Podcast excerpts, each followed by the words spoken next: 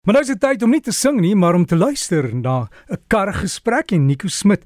Hy is ons karkenner wat al die vrae kry. Hy het gesê sleep en dan elektriese voertuie brand hulle makliker as ander voertuie. Hallo Nico. Goeiemôre Derek, hoe gaan met jou? Warm, warm en jy? lekker warm. Vanmôre vroeg was dit baie lekker, maar nou kan ek die hitte voel hoor. Ja, weet jy ek het, ek het ek het gisterand in die huis 'n kers gebrand en die ding het gesmelt van die hitte. Toe nog 'n keer daar's iets fout met die kers.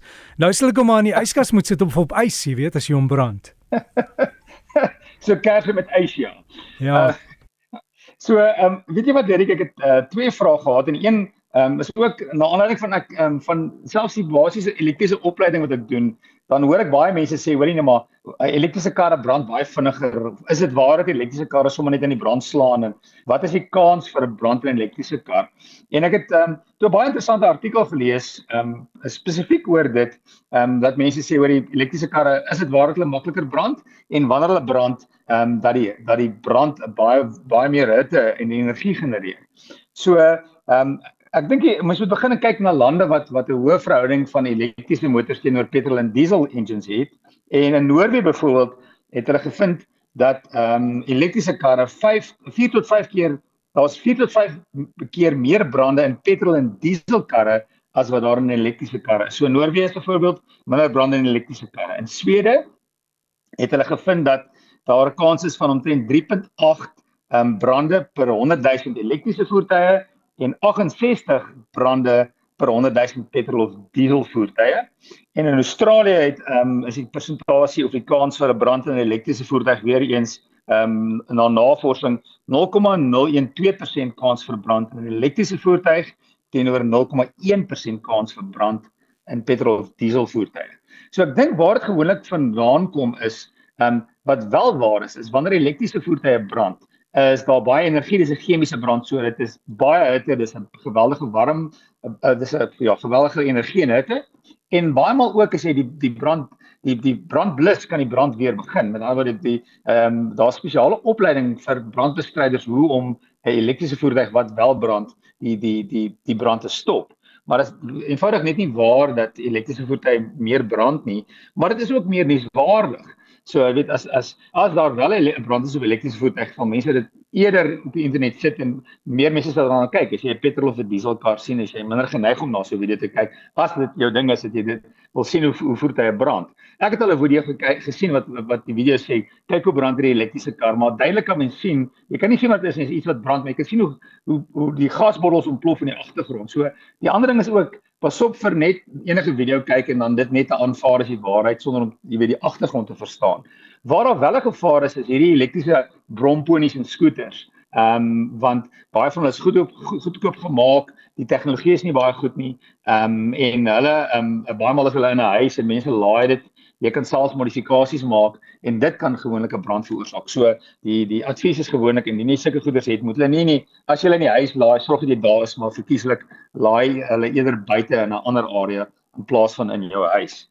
Die tweede vraag wat ek gehad het, het gegaan oor sleep. Ek het laas verlede week het ek gepraat oor radkaste en die persoon het vir gevra watter is die beste om te sleep en in hierdie geval was die twee voertuie, die een is 'n 1.4 turbo engine en die ander is 'n 2 liter uh, maar die voertuig het nie turbo nie. Watter een gaan die beste wees om mee te sleep? Ehm um, so die eerste begin wat ek sou doen is wanneer die, die persoon sleep 'n uh, 'n uh, groterige karavaan, hy sê so 2 tot 3 meter. So ek sal eerstens begin met wat die vervaardiger sê is die maksimum sleep um, wat toegelaat word. Kom ons sê woonwa. Gewoonlik praat hulle van break en unbreak. Ehm um, unbreak is iets soos 'n venter sleepbaadjie, met ander woorde hy het nie self remme nie en dan breek dit uh, gewoonlik 'n um, groter karavaan het um, wanneer jy rem dan het hy sy eie remstelsel met ander wat die karavaan het ook ingeboude rem is eenvoudig net die die massa van die um, karavaan wat vorentoe beweeg wat homself rem. En kyk wat sê die vervaardiger word toegelaat. En indien hulle sê dat die massa van jou karavaan is reg kom ons sê dit wat dit ook al is dan weet jy hierdie voertuig is reg om te sleep. Indien altyd voertuig nog steeds weet jou jou jou, jou sleepwa kan sleep ehm um, kyk natuurlik die wrinkrag uh, is baie belangrik en watse revolusies word die wrinkrag gemaak. Dit gaan baie help in die sleep en hoeveel krag is daar. Ehm um, en ehm um, weet baie maal soms dink ek jy met 'n kleiner engine gaan nie so lekker kan sleep nie, maar omdat die turbo engines baie wrinkrag het, help dit baie met die sleep. Ehm um, en dan laastens eintlik 'n belangrike ding wat mense baie maal vergeet, is die rad tipe radkas.